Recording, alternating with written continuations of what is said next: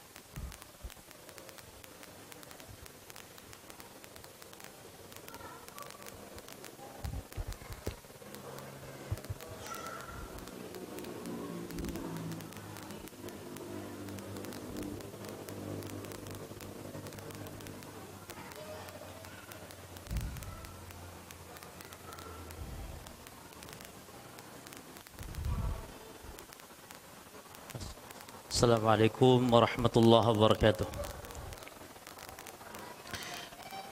إن الحمد لله نحمده ونستعينه ونستغفره ونعوذ بالله من شرور أنفسنا من سيئات أعمالنا. من يهده له فلا مضل له ومن يدلل فلا هادي له. وأشهد أن لا إله إلا الله وحده لا شريك له. وأشهد أن محمدا عبده ورسوله صلى الله عليه وعلى آله وأصحابه والتابعين ومن تبعهم بإحسان إلى يوم الدين وسلم تسليما كثيرا أما بعد إخواني في الدين وأخواتي في الله رحمني ورحمكم الله melanjutkan kitab Umdatul Ahkam dan kita masuk ke bab yang baru bab qada'il fawaid wa tartibuha bab tentang mengqada salat yang terluput dan tentang urutan dalam mengkodok salat. Yang pada kesimpulannya bahwa mengkodok salat itu harus sesuai dengan tertib urutan salat. Termasuk menurut pendapat jumhur dalam menjamak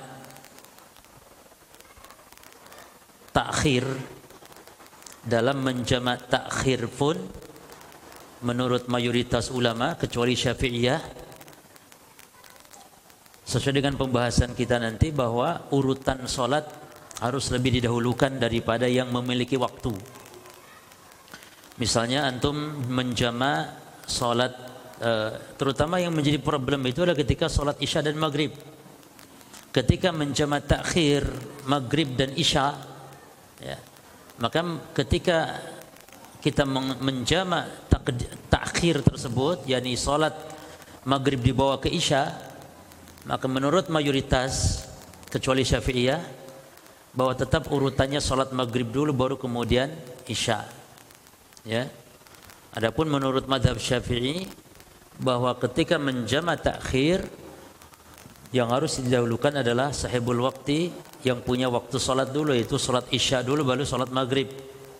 Demikian pula menjama duhur dengan asar di waktu asar atau jama takhir maka lakukan salat asar dulu baru salat duhur. Ya. Namun sesuai dengan tertib salat itu yang harus didahulukan sebagaimana pada pembahasan kita insyaallah. Taib berkata muallif rahimahullah taala Al-Imam Abdul Ghani Al-Maqdisi semoga Allah memberi rahmat kepada beliau bab tentang mengqada salat yang terluput dan urutan dalam mengqada salat. An Jabir bin Abdullah radhiyallahu anhuma dari Jabir bin Abdullah Semoga Allah meridhai kepada keduanya. Anna Umar bin Al-Khattab kata Jabir bahwasanya Umar bin Al-Khattab radhiyallahu anhu semoga Allah meridhai kepadanya Jayamal Khandaq datang pada hari peperangan Khandaq disebut juga perang Ahzab. Khandaq artinya parit ya karena Rasul dan para sahabat saat itu membuat parit untuk pertahanan dari serangan orang-orang musyrikin Quraisy yang saat itu bergabung seluruh para uh, kabilah-kabilah bangsa Arab termasuk orang-orang uh, dari kalangan orang Yahudi juga ikut. Ya. itu perang Ahzab disebutnya. Jadi kumpulan berbagai golongan yang ikut menyerbu memerangi Rasul dan para sahabat. Ba'dama gharabatis syamsu datang Umar bin Khattab di peperangan Hondak setelah ma gharabatis syamsu setelah tenggelamnya matahari berarti sudah masuk waktu maghrib ya. Faja'ala maka mulailah Umar bin Khattab yasubbu kuffar Quraisy memulai mencaci mencela orang-orang kufar Quraisy ya. Berarti di sini membolehkan mencaci, mencela, melaknat orang kafir secara umum. Termasuk jenis kafir seperti misalnya Yahudi, Nasrani, orang kafir Quraisy misalnya, ini jenis ya. Dibolehkan namun umum. Tapi kalau secara pribadi personal satu persatu orang per orang maka tidak diperbolehkan menurut pendapat yang kuat. Adapun secara umum boleh. Waqala dan Umar mengatakan, "Ya Rasulullah, wahai Rasulullah, makittu hampir-hampir." Ya. Aku tidak salat. Mak di sini mak nafi. Ya. Yani aku belum salat maksudnya. Makittu usalli, aku belum salat al-asr, asar hatta kadati syamsu taghrub sampai-sampai matahari hampir tenggelam. Faqala Nabi sallallahu alaihi wasallam maka Nabi pun sallallahu alaihi wasallam bersabda Wallahi ma sallaituha demi Allah aku pun belum salat wahai Umar salat asar yani Nabi sendiri belum Taib ini menunjukkan Rasul dan para sahabat saat itu karena disibukkan peperangan pada perang Ahzab atau perang Khandaq sampai beliau terluput dari salat asar. Dalam hadis yang lain disebutkan uh, syagoluna mereka telah menyibukkan kita an salatil wusta salatil asar. Dari salat wusta yang dia salat wusta adalah salat asar. Itu taib Fakumna ila Buthan maka kami pun berdiri menuju ke Buthan menuju ke lembah. Fatawadhu'a lis-salam maka kami maka lalu berwudu untuk salat. Wa tawadhu'na laha dan kami pun berwudu. Yakni Rasulullah berwudu lalu kami pun para sahabat ikut berwudu bersama Rasul untuk salat fasalal asra lalu Rasul salat asar kapan Rasul salat asarnya ma yakni ba'da ma gharabati syamsu setelah tenggelam matahari jadi tadi Umar bisa jadi lapor kepada Rasul belum salat itu matahari baru mau tenggelam ya mau tenggelam. Namun ketika beliau berwudu, beliau menuju ke arah lembah untuk sholat, ya sudah tenggelam matahari. Maka beliau sholat apa? Sholat asar setelah tenggelam matahari. Summa sholat ba'dahal maghribah, lalu setelah itu beliau sholat maghrib. Berarti di sini beliau Rasulullah SAW sholat apa yang duluan? Apakah yang punya waktu atau sholat menurut tertibnya? Al-jawab menurut tertibnya sholat. Ya, dan ini menunjukkan ketika jamak takhir pun pendapat yang kuat adalah pendapat mayoritas. Bukan pendapat Syafi'iyah tapi pendapat mayoritas yang mengatakan menjamak takhir adalah bukan yang punya waktu sholat dulu yang dilakukan tapi yang sesuai urutannya. Kemudian pada jam sekalian ada tambahan hadis di sini terkait uh, mengkodok salat yang terluput adalah hadis Anas bin Malik. Disebutkan kata Nabi SAW, man nasya salatan, siapa yang lupa salat, falyusoluha idza dzakaraha, maka salatlah ketika ingat. Ya. Wala kafarata ila dzalik dan tidak ada kafaratnya kecuali hal tersebut. Dalam hadis yang lain, dalam riwayat Imam Muslim, man nasya salatan aw nama anha. siapa yang lupa solat atau tertidur dari solat fakaffaratuha maka kafaratnya an yusalliyaha untuk salat idza dzakaraha ketika ingat. Jadi siapa yang tertidur atau siapa yang lupa salat maka kafaratnya hanya satu saja. Tidak ada bayar kafarat kepada fakir miskin memberi makan seperti kafarat sumpah misalnya enggak. Satu saja kafaratnya apa itu? Salat ketika ingat. Walaupun di waktu yang terlarang sekalipun. Jadi ketika ingat jangan dinanti-nantikan lagi. Misalnya tadi pagi lupa nggak sholat duhur, ingat-ingat jam 12.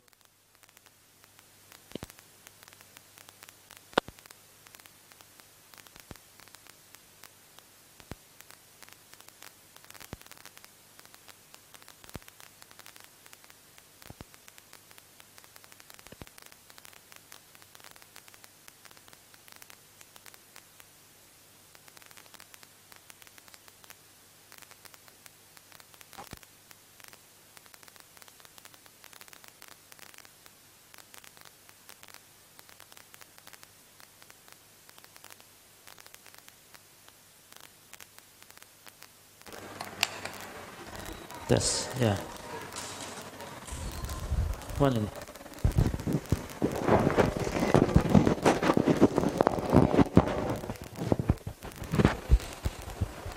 Jadi kalau kita lupa sholat, tadi mungkin sholat duhur lupa, lalu ingat jam 12 malam, maka jangan sampai ketika ingat tersebut nanti lagi. Ya, tapi harus dilakukan idadakaroha ketika ingat. Ya. Tapi kita ambil beberapa faedah dari hadis yang mulia ini. Dan pembahasan hadis adalah pembahasan tentang uh, mengkodok solat yang terluput. Dan solat yang hanya dikodok itu bukan solat yang ditinggalkan dengan sengaja. Ya, kalau meninggalkan solat dengan sengaja tidak ada kafarat kecuali neraka jahanam. Ya, imam masuk neraka jahanam, imam bertobat kepada Allah dan mengampuni dosanya nggak ada lagi kafarat. Lah kalau boleh mengkodok solat yang terluput, eh mengkodok solat yang disengaja, wah enak berarti sudah. Kita kalau lagi malas nanti ada kodok saja nanti. Ya, berarti kalau boleh mengkodok solat yang disengaja ditinggalkan, berarti enak. Ketika antum malas nggak apa-apa wes, saya libur. Apa? Engkau dikodok aja. Kapan? Ya nih pas semangat mengkodok. Tinggal nyatet saja hutangnya kapan duhur. Jadi mengkodok sholat dengan syarat ditinggalkan karena memang ada udur jemaah.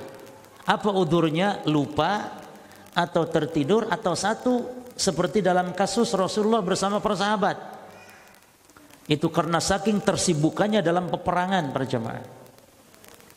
Dan kata para ulama saat itu bisa jadi ada dua kemungkinan kenapa Rasul tidak sholat khauf Salat ketika dalam ketakutan, dalam peperangan. Kenapa tidak salat khauf? Jawabannya bisa jadi salat khauf pada saat perang Khandak belum turun perintah itu. Atau yang kedua, salat khauf sudah turun perintahnya untuk salat khauf, namun kondisi peperangan yang demikian dahsyat sehingga tidak sempat walaupun salat khauf. Sehingga terluput salat asar saat itu. Jadi dua kemungkinan atau satu dari dua kemungkinan. Ya. Tapi kapan terjadinya perang Khandaq jemaah? Terjadi pada tahun 5 Hijriah. Perang Khandaq itu. Nah, hadis ini memberikan faedah yang pertama adalah wujub qada'i salat. Idza fatat binaum aw nisyan. Wajib mengqada salat, hukumnya wajib ya. Bukan sunnah mengqada itu. Artinya mau qada mau ndak terserah. La, kalau ingat wajib mengkodok kalau ingat. Dan menjadi dasar hadis tadi. La kafarata ila dzalik enggak ada kafaratnya kecuali hal tersebut. Ya. Demikian pula para jamaah sekalian dalam riwayat-riwayat yang lain Rasul SAW dan persahabat pernah juga terjadi selain dalam peperangan ya terluput sholat juga pernah Nabi ketiduran. Nah, ini penyemangat bagi antum yang hobinya suka ketiduran. Jadi jangankan antum ya akhi Rasul saja ketiduran. Maka bukan aib ya. Kalau seorang muslim ketiduran sholat subuh, Rasul pun sholat subuh. Ketidurannya itu. Dalam sebuah perjalanan, ya, Abu Hurairah menceritakan dalam sebuah perjalanan mungkin karena saking capeknya gitu loh jemaah dalam sebuah perjalanan di waktu malam itu Rasulullah sallallahu alaihi wasallam uh, dan para sahabat ini pulang dari perang Khaybar saat itu. Maka Nabi sallallahu alaihi wasallam di sebuah tempat istirahat dan minta kepada Bilal untuk uh, membangunkan beliau. Jadi yang ditugaskan adalah Bilal. Maka tidurlah para sahabat dan ini tugas Bilal ya untuk membangunkan. Namun ternyata para jemaah Rasul dan para sahabat kebablasan tidurnya sampai yang membangunkan beliau dan yang paling bangun pertama kali adalah Rasulullah sallallahu alaihi wasallam. Matahari menyengat sudah di perjalanan tersebut. Maka Rasul pun menagih janji kepada Bilal. Ya. Kata Nabi kepada Bilal, "Ai Bilal, Wahai Bilal kata Nabi, jadi Nabi kaget ketika bangun loh ini sudah siang begini dan belum sholat subuh. Maka Nabi menagih janji kepada Bilal. Kata Nabi, "Ai Bilal, kenapa kamu Bilal enggak membangunkan kami?" begitu. Maka Bilal pun merasa bersalah, "Bi abi anta wa ya Rasulullah." Ya. Wahai Rasul, ibu bapakku yang menjadi tebusanmu. Jadi ini menunjukkan uh, sumpah ya, tanda penyesalan begitu. Aku tidak pernah mengalami tidur seperti ini ya Rasulullah. Maka kami pun tidak bisa bangun bahkan kecuali engkau yang telah membangunkan. Maka akhirnya apa yang terjadi? Wa amara Bilal, Nabi pun memerintahkan Bilal untuk adzan, fa aqama lalu uh, dan Nabi salat bersama para sahabat wa shalla bihim subha, Nabi salat subuh. Ya. Selesai salat lalu Nabi bersabda. Nah ini kata Nabi, "Man nasiya salata falyusalliha falyusalluha idza falyusalliha idza dzakaraha. Kata Nabi kalau kalian lupa salat maka salatlah ketika ketika ingat. Ya. Nah, nah faedah ketidurannya Rasul SAW yang pertama bahwa Nabi manusia biasa yang bisa kena lupa sebagaimana kita lupa para jemaah. Itu faedah pertama. Sebagaimana juga Nabi mengatakan, ayuhan nas, innama ana basyarun mislukum ansa kama tansawun. Wahai manusia, sungguhnya aku manusia seperti kalian yang aku bisa lupa sebagaimana kalian lupa kata Rasulullah. Ya. Innama ana basyarun mithlukum ansa kama tansawun. Fa idza nasi ahadukum falyasjud sajdatain. Kalau kamu lupa ketika sedang salat maka sujudlah dua sujud. Wahwa jalis dalam keadaan sedang duduk. Yang ini yang dimaksud dengan sujud sahwi pada jamaah. Jadi Nabi pernah solatnya keliru ya dalam solat. Bahkan Nabi pernah keliru baca Qur'annya. Ya. Nabi lupa dalam bacaan Quran, bukan lupa wahyu. Nabi lupa dalam membaca Al-Quran sehingga para sahabat segan untuk mengoreksinya. Sehingga dibiarkan Nabi lupa. Setelah solat Nabi mengatakan kepada sahabat, kenapa kalian tidak koreksi tadi aku ketika solat? Ya. Jadi para sahabat disangkanya Nabi itu nggak boleh lupa. Ya. Sehingga kata Nabi, "Faidana syahadukum falyasjud." Kalau kamu lupa dalam salat itu biasa, sujudlah dua kali sujud ya. Summa tahawwala Rasul SAW. Lalu setelah itu Nabi e, berpindah dan Nabi sujud dua kali sujud. Ini menunjukkan Nabi seperti manusia kita biasa dalam hal tabiat kemanusiaan yang kena lupa. Sehingga beliau pun ketiduran, beliau pun lupa. Dan ini sebagai contoh bagi kita. Kalau kita mengalami hal serupa dengan Nabi, maka kita sholat ketika ingat. Kalau sedang sholat kita lupa, maka sujud sahwi. Yang kedua, para jemaah, faedah dari e, lupanya Nabi Sallallahu Alaihi Wasallam dalam sholat menunjukkan bahwa manfaatatuhu sholah linaum fa inhu yaqdiha Orang yang lupa, yang terluput sholat karena ketiduran, maka sholatnya kapan? Ketika dia ingat dan ini ijma. Ketika bangun langsung sholat, nggak boleh nanti. Oh nanggung nih ada ada kegiatan misalnya ya, atau keburu-buru. Lah sholat ketika ingat. Salah sendiri ingat. Kalau lupa walaupun dua bulan nggak apa-apa. Salah sendiri ingat, maka fal idza dzakaraha. Kemudian dalam hadis Rasul ketiduran, itu Rasul tidak sholat di tempat itu cuma. Tapi beliau dalam riwayat yang lain ya memerintahkan kepada para sahabat untuk berangkat pindah tempat. Akhirnya berangkat ketika di sebuah tempat beliau memerintahkan Bilal untuk adzan lalu beliau perintahkan komat dan sholat di situ. Nah ini hikmahnya dianjurkan atahawul dianjurkan untuk pindah minal makan di tempat alladhi fatathum fihi shalah. Dianjurkan disunnahkan untuk berpindah dari tempat yang di situ tertidur atau terluput sholat. Kalau antum di rumah misalnya ketidurannya kalau Rasul kan di perjalanan. Kalau antum di rumah pun demikian, antum ketiduran di kamar ndak sholat subuh, maka jangan sholat di kamar itu, pindah. Kenapa? Karena di kamar itu ada setannya. Di tempat yang kita luput solat ada syaitan. Kata Nabi, inna hada makanun hadarakum fihi syaitan. Karena tempat ini kata Nabi ada setannya hadir di tengah-tengah kalian sehingga tidak sholat di tempat tersebut. Maka mungkin di antara anjuran untuk tidak sholat di tempat ya satu di kuburan atau di pemakaman, yang kedua di tempat mandi ya hammam. Hammam. Dan hammam itu tempat mandi jemaah. Ya, hammam itu tempat mandi. Berarti yang lebih buruk dari tempat mandi apa? WC 3 WC tempat buang hajat ya. Yang keempat kandang unta ya. Dan yang kelima berarti salat dilarang di tempat yang kita terluput di tempat itu dari sholat. Ketiduran ya berpindah. Kemudian faedah dari hadis bahwa Nabi terluput dari sholat annal qada yahkil ada. Ya. Yakni mengqadha itu adalah persis mengqadha salat persis seperti melakukan yang dikodoinya yakni dengan adzan dan iqamah. Ya dengan adzan dan iqamah sebagaimana Nabi memerintahkan Bilal bil adzan.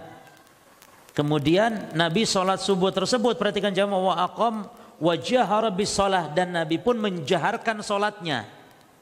Menjaharkan salatnya. Nah, jadi di dalam mengkodok salat adalah harus tata caranya, sifat salatnya itu sesuai dengan yang dikodoinya.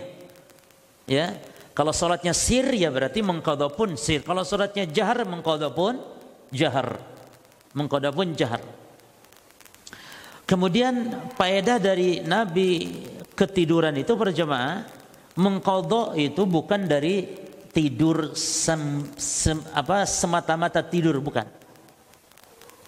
Tapi tidurnya itu tidurnya ketiduran yakni bagairi amad. Bukan fenomi fenomi tafrid, bukan tidur yang memang melalaikan sengaja. Ya, sama hanya berarti sholat yang meninggalkannya dengan sengaja. Sama dengan orang yang sudah tahu kecuali jamaah sekalian begini. Kalau antum capek banget pulang dari luar kota capek sekali ya antum tidak kuat sholat maka antum tidur karena percuma sholat pun dan Nabi larang sholat dalam keadaan ngantuk berat antum tidur tidak masalah kalau gitu walaupun misalnya nanti sampai ketiduran namun harus berusaha minta tolong kepada istri antum atau kepada siapa keluarga agar tolong bangunkan ketika apa nanti jangan sampai waktu sholat habis gitu ya. Tapi kalau bisa nggak terlalu ngantuk sholat, jangan sampai sengaja tidur, sengaja wah kebetulan kan ada hadisnya. Mudah-mudahan ini mudah-mudahan apalagi mohon ya Allah mudah-mudahan ketiduran ya Allah. Itu minta mudah-mudahan lupa. Ya. Taib. Kemudian faedah dari Nabi ketiduran adalah bahwasanya orang yang terluput solatnya maka mengkodohnya harus di awal perhatikan ya kawan an yakdiyaha fi awal ma yatadzakaraha di awal ketika dia itu ingat. Jangan ingat tapi nanti ya.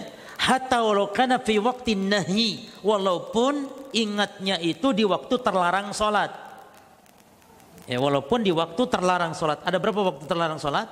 Ada lima waktu.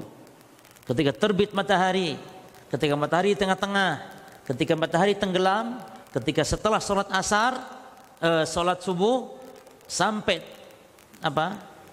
Sampai terbit matahari dan ketika ketika setelah sholat asar sampai tenggelam matahari. La solata ba'da subuh hatta tatu asyamsu. Tidak boleh sholat setelah sholat subuh sholat apa pun sampai matahari terbit. Tidak boleh sholat apa pun setelah sholat subuh. Demikian pula wala solata la solata la asr. La solata tidak ada solat ba'da solatil asr setelah solat asar. Tidak ada solat apa pun setelah solat asar. Enggak boleh. Hatta tagruba syamsu sampai matahari tenggelam. Jadi ada lima waktu solat dilarang.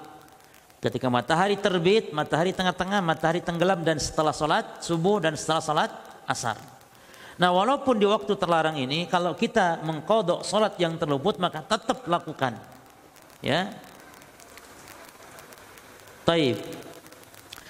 Kemudian tadi terkait Nabi memerintahkan kepada apa? kepada para sahabat untuk berpindah tempatnya. Ada pendapat ulama yang mengatakan saat itu waktu terlarang katanya. Itu waktu terbit matahari. Jelas ya? Nabi ingatnya itu sholat subuh, bangunnya sholat subuh itu waktu terbit matahari. Dan ini waktu apa terbit matahari? Waktu terlarang sholat. Sehingga Nabi, ini ada, ada pendapat ulama ya. Sehingga Nabi SAW memerintahkan sahabat untuk ayo jangan sholat dulu karena ini waktu terlarang. Ayo berangkat dulu pindah tempat. Nah sehingga alasan Nabi memerintahkan sahabat pindah tempat alasannya ini. Ini waktu yang terlarang. Namun ini do'if kaul ini do'if.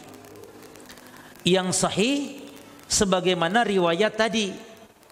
Ya, bukan karena waktu terlarang masalah bukan, tapi karena itu tempat ada setannya. Ketika antum ketiduran di tempat itu itu syaitan. Ya.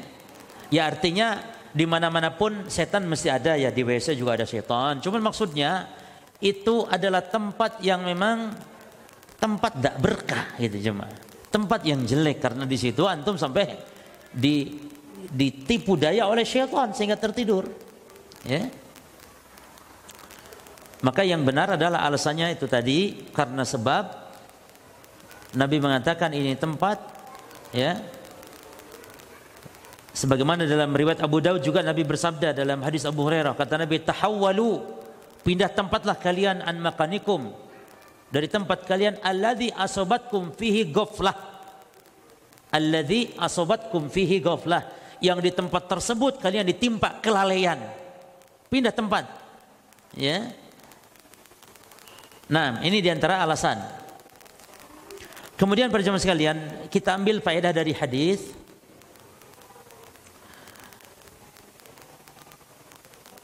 dari tidurnya Nabi kita belum bahas masalah hadis loh jemaah ini kita baru membahas tentang faedah dari hadis ketidurannya Rasulullah. Ya. Sementara hadis yang kita bahas bukan ini. Hadis tentang mengkodok salat. Namun kita bahas dulu, kita ambil beberapa faedah tentang faedah dari ketidurannya Rasul sallallahu alaihi wasallam dari salat. Nah, faedah berikutnya. Para ulama iskal ya bagaimana mengkompromikan antara dua hadis Nabi ketiduran sampai enggak sholat subuh dengan hadis Nabi inna aini tanam wala qalbi. Dengan hadis sesungguhnya walaupun mataku tidur namun hatiku tidak pernah tidur kata Rasul bagaimana cara mengkompromikannya ini ya kalau memang hati Nabi nggak tidur harusnya nggak boleh dong Nabi sampai ketiduran sampai nggak sholat ya karena hati Nabi terjaga terus maka Imam Nawawi memberikan ada dua jawaban dalam pertanyaan atau iskalnya ulama ini. Jadi bagaimana iskalnya kawan? Bagaimana mengkompromikan dua hadis yang nampaknya zahirnya kontradiksi. Hadis yang menyatakan Nabi ketiduran enggak sholat subuh dengan hadis yang mengatakan sesungguhnya mataku tidur namun hatiku tidak tidur. Bagaimana mengkompromikannya? Imam Nawawi mengatakan ada dua jawaban. Jawaban yang pertama para jemaah sekalian kata Imam Nawawi bahwasanya al-qalbu innama yudrikul al-hissiyati al-muta'alliqah bihi kal mauti wal alam wa nahwiha wala yudrik ma yata'alaq bil ain li'annaha na'imatun wal qalbu yaqadan kata Imam Nawawi yang pertama bahwasanya hati itu dia hanya menjangkau hal-hal yang berkaitan ya, hanya menjangkau hal-hal yang berkaitan dengan indrawi yang berkaitan dengan hati saja. Seperti mati, seperti rasa dan yang semisal rasa sakit dan yang semisal ya. Jadi hati itu menjangkau perkara-perkara yang yang kaitannya dengan rasa-rasa yang sifatnya ada kaitan dengan hati. Seperti mati, seperti sakit misalnya dan yang semisal tidak berkaitan, tidak menjangkau apa yang berkaitan dengan mata. Karena mata tidur sementara hati itu tidak tidur. Jadi hati itu hanya bisa merasakan perih, sakit. Tidak ada kaitan dengan masalah mata gitu loh jemaah. Itu jawaban yang pertama. Ya. Atau bisa jadi jawaban kedua nih, bagaimana ulama ya demikian cerdasnya dalam membongkar subat-subat seperti tadi Gampangannya kata Imam Nawawi annahu kana halani. Bahwasanya kondisinya hati Nabi bisa jadi ada dua kondisi. Ya kondisi bisa jadi sedang tidur atau kondisi hati Nabi tidak tidur dan ini yang paling mendominasi. Dan kondisi bisa jadi hati Nabi juga pada saat bisa aja tidur. Berarti ketika Nabi ketiduran hatinya pun sedang apa? Hah Ketika Nabi ketiduran, berarti hatinya pun sedang tidur gitu loh. Kalau mau dipakai kepada dohirnya. Dan walaupun hati Nabi tidak tidur dan ini yang golibnya. Berarti gampang saja. Kenapa Nabi sampai ketiduran? Padahal Nabi mengatakan mataku tidur, hatiku tidak tidur. Maksudnya kebanyakan golibnya hati Nabi memang tidak tidur. Namun terkadang juga tidur. Maka ketika ketiduran itulah berarti hati Nabinya sedang tidur. Bisa saja. Mudah saja. Jadi tidak apa? Tidak harus dipikirkan sampai pusing teman-teman mikirinnya jemaah. Ya. Nah, Nah ini di antara jawaban al-Imam An-Nawawi rahimahullah ta'ala. Ya. Nah, baru kita kembali kepada hadis kita jemaah. Tentang mengkodok salat yang terluput. Uh, faedah dari hadis bahwa ulama sepakat wajib mengkodok itu ketika lupa dan ketika ketiduran. Nah, ketika ketiduran, makanya bukan tidur tapi ketiduran. Bukan tidur sengaja dan bukan karena disengaja tapi lupa. Nah, berarti juga menunjukkan orang yang tidak sholat karena sebab lupa atau tertidur tidak berdoa berdosa. Yang berdosa itu kalau meninggalkannya dengan sengaja. Makanya anak tanya, apakah makan minum membatalkan puasa? Makan minum batal puasanya tidak? Al jawab tidak. Karena makan minum yang membatalkan puasa itu kalau makan minumnya dengan sengaja. sengaja. Nek makan minumnya lupa, batal tidak puasanya? Tidak batal dan tidak dosa. Dan itu sodakoh yang Allah berikan untuk antum. Makanya nggak boleh antum doa ya Allah lupakan saya. Niat puasa tapi maunya lupa. Ya wis ojo puasa masisan. Ya. Maka kalau antum lihat orang sedang puasa dan dia lupa, antum ingatkan nggak dia? Hah? Ingatkan karena itu kesalahan. Diingatkan harus. Nah, kemudian faedah dari hadis. Anau yajibu qada'ul fawaid 'alal faur. Mengqada Salat yang terluput itu wajib alal faur la ala tarohi. Wajib langsung segera bukan dinanti-nantikan itu tarohi itu nanti. Ya. Beda dengan kodok puasa jamaah. Kalau kodok puasa la yajibu alal faur bal afdal. Kalau mengkodok puasa itu tidak wajib faur langsung tapi afdol saja. Buktinya Aisyah mengkodok puasanya Ramadan kapan? hampir setahun baru mau kodok di bulan Sya'ban. Aisyah radhiyallahu anha. Berarti mengkodok puasa hanya abdol saja. Tapi kalau sholat ketika ingat, ah, wajib jemaah. Ya, yajibu qada'ul fawaid 'alal faur. Wajib mengkodok sholat terlebut itu 'alal faur segera. Nah, mana dasarnya? Tadi kata Nabi, fal yusalliha idza dzakaraha. Salatlah kapan? Ketika ingat. Bukan kapan-kapan ya, tapi ketika ingat. Hada yadullu ala annaha taqdi ya. Ini menunjukkan bahwasanya mengkodok itu faur faur zikir. Langsung ketika ingat dan ini perintah. Ya, dan perintah menunjukkan wajib juga ini utang dan utang menunjukkan juga wajib untuk segera dibayarkan. Lalu mungkin ada tadi yang bertanya, "Lut, Nabi sendiri kan tidak langsung." Ya, buktinya apa? Nabi memerintahkan malah untuk berangkat. Jadi kepada para sahabat Nabi memerintahkan untuk berangkat. An yardahilu min makanihim ila makanin akhar. Nabi perintahkan para sahabat untuk pindah dari tempat ke tempat lain. Ini menunjukkan kan tidak langsung maka jawabannya adalah Nabi memberikan apa? Memberikan alasan di situ. Alasannya apa? Kata Nabi liyakhud kullu rajul bi sirahilatihi. Ayo, masing-masing kalian untuk mengambil uh, kendaraannya masing-masing. Ayo naik ke kendaraan masing-masing, ayo berangkat. Fa inna hada manzilun karena tempat ini kata Nabi hadarana fihi syaitan. Karena tempat ini tempat yang dihadiri setan. Tempat ini ada setannya kata Nabi. Ini berarti alasannya. Maka fala yang bagi an yusalliya fi amakin hudur syayatin. Sehingga tidak boleh sholat di tempat yang dihadiri setan. Di WC ada setannya. Di kandang unta ada setannya. Unta itu diciptakan khuliqat minas syaitan. Unta itu diciptakan dari setan. Unta. Maka nggak boleh sholat di kandang unta. Nggak boleh sholat di kamar mandi tempat-tempat najis. Karena itu tempat syaitan. Termasuk cuma yang tempat-tempat syaitan secara umum. Ya. Kata Nabi, "Inna hadhil hushus muhtadaratun." Sesungguhnya WC, toilet ini adalah ada yang hadir, setan ada.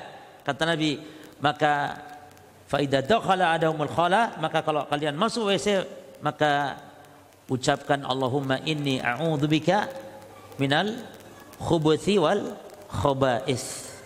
Ya. Nah, Kemudian faedah dari hadis jemaah. Yajibu qada'ul fawaid. Wajibnya mengqada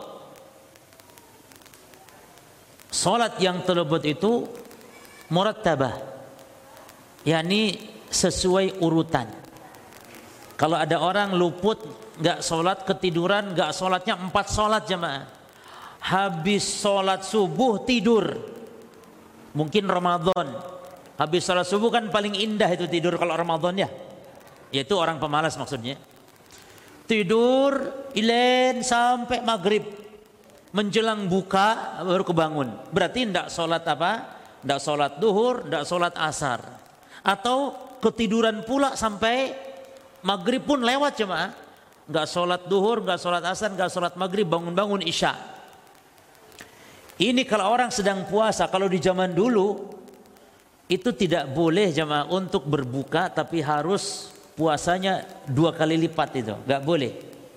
Namun Islam sudah menghapus ya aturan itu. Jadi kalau ketiduran waktu buka ketika ingat sudah lewat nggak boleh. Buka harus puasa lagi baru buka besoknya.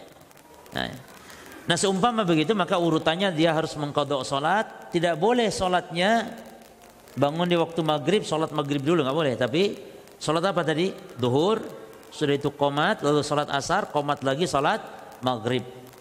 Ya. Maka harus sesuai urutan alat tertib. Sebagaimana dalam hadis kita ini Rasul sholat asar lalu sholat maghrib. Ya. Dan juga Nabi memerintahkan sholatlah ya ketika ingat ya berarti sholat sebagaimana biasanya sesuai dengan urutannya. Nah Lalu kapan Faedah berikutnya nih jamaah dari hadis. Kapan bolehnya kita sholat tidak tertib urutannya ketika mengkodok? Gugur at-tertib digugurkan tertib apa tertib tadi? Digugurkan sholat sesuai urutannya waktu ketika mengkodok apabila keadaan berikut ini. Satu, fihalatin nisyan ketika lupa boleh nggak tertib misalnya. Dia tidak sholat itu duhur dan asar jamaah ingat waktu maghrib. Cuman yang dia ingat itu ternyata dia ingat sholat asar. Sementara duhurnya dia lupa. Maka dia sholat asar. Lalu sholat maghrib atau misalnya dia sholat maghrib dan lupa duhur asar yang dia terlewat baru ingat-ingat setelah maghrib, oh iya aku. Berarti saat itu nggak tertib dia maghrib lalu sholat apa lagi? Duhur dan asar. Atau dia sudah ingat asar sama maghrib sudah lupa yang duhurnya belum dikodok kan maka boleh nggak tertib karena lupa nggak masalah ya karena Allah berfirman Rabbana la tu'akhidna in nasina au akhtana karena dalam Al-Quran Allah mengatakan Wahai Rabb kami jangan kau hukum kami jika kami lupa atau kami keliru. Dan Nabi pun bersabda Inna Allah tazawaja an ummati al-nisyan wal khata atau khata wan nisan wa mastukrihu alaih. Allah memaafkan umatku tiga hal. Satu, lupa. Kedua, keliru tidak sengaja. Yang ketiga, apabila dipaksa. Allah maafkan umatku kata Nabi. Maka kalau lupa, ya boleh. Tidak harus tertib. Yang kedua jamaah, gugur tertib sesuai urutan dalam mengkodok salat idza kana jahilan. Kalau memang tidak ngerti hukum. Ya. Misalnya dia nggak sholat tadi ya empat sholat dia urutannya sesuai waktu bukan waktu sholat seenaknya sekarap karena PDW karena tidak tahu maka kodoknya sahih tidak harus diulang gitu loh Ketika ada yang memberitahu, loh kamu ke sholat kodok apa saja? Ya aku tadi nggak sholat duhur, asar, maghrib, isya. Lalu aku sholat isya dulu. Lalu maghrib. Sudah itu sholat asar, lalu duhur. Mundur itu cuma. Nah ini tidak masalah kalau tidak tahu. Kalau tahu ya tidak boleh. Tidak tahu tidak apa-apa. Jadi dua keadaan ya. Yang pertama apa? Lupa, anisian. Yang kedua al-jahl. Yang ketiga, keadaan ketiga boleh tidak tertib kapan? Yang ketiga, idza khasya khuruj waqtil hadirah. Kalau dikhawatirkan salat yang punya waktu akan habis. Kalau kita mengkodok dulu salat yang terluput, sementara salat yang ini pun akan habis pula, maka kita boleh tidak tertib, tapi salat dulu yang ini mau habis. Misalnya antum belum sholat duhur ya. Ingat-ingat menjelang maghrib. Antum pun belum sholat apa? Ingatnya mau maghrib lima menit mau maghrib. Atau ya wis lima menit mau maghrib dah. Ingat antum belum sholat duhur. Asar pun belum. Hah? asar masih ada kan? Masih. Taib apa sholat dulu? Kalau kita kodok dulu nanti asarnya pun melayang pula akhirnya kodok di atas kodok pula nanti. Kodok kodok lagi lagi nanti. Maka jangan sampai dua kali kodok. Sekarang antum kodok duhur di waktu asar yang mau habis nanti baru mengkodok asar eh kodok duhur asarnya sudah habis. Berarti antum mengkodok asar di waktu maghrib lagi. Berarti kodok terus. Maka hanya jadikan satu kodok saja. Ya. Cukup duhur. Kapan? Ya nanti Sholat asar dulu antum. Ya. Baru nanti mengkodok duhur kapan? Karena mungkin setelah sholat asar waktunya habis. Langsung masuk maghrib nanti. Ya mengkodok di waktu maghrib. Berarti tidak tertib kan berarti? Asar dulu baru duhur di waktu maghrib. Tidak masalah. Idha khasya khuruju waktil hadirah. Nah. Apa nih? Ada, masya Allah. Mukaddimah ini. Tapi lah kita kita salat dulu jemaah ya langsung setelah adzan salat kita lanjut setelah salat insya Allah. Subhanakallahumma bihamdik asyhadu an la ilaha illa anta astaghfiruka wa atubu ilaik. Assalamualaikum warahmatullahi wabarakatuh.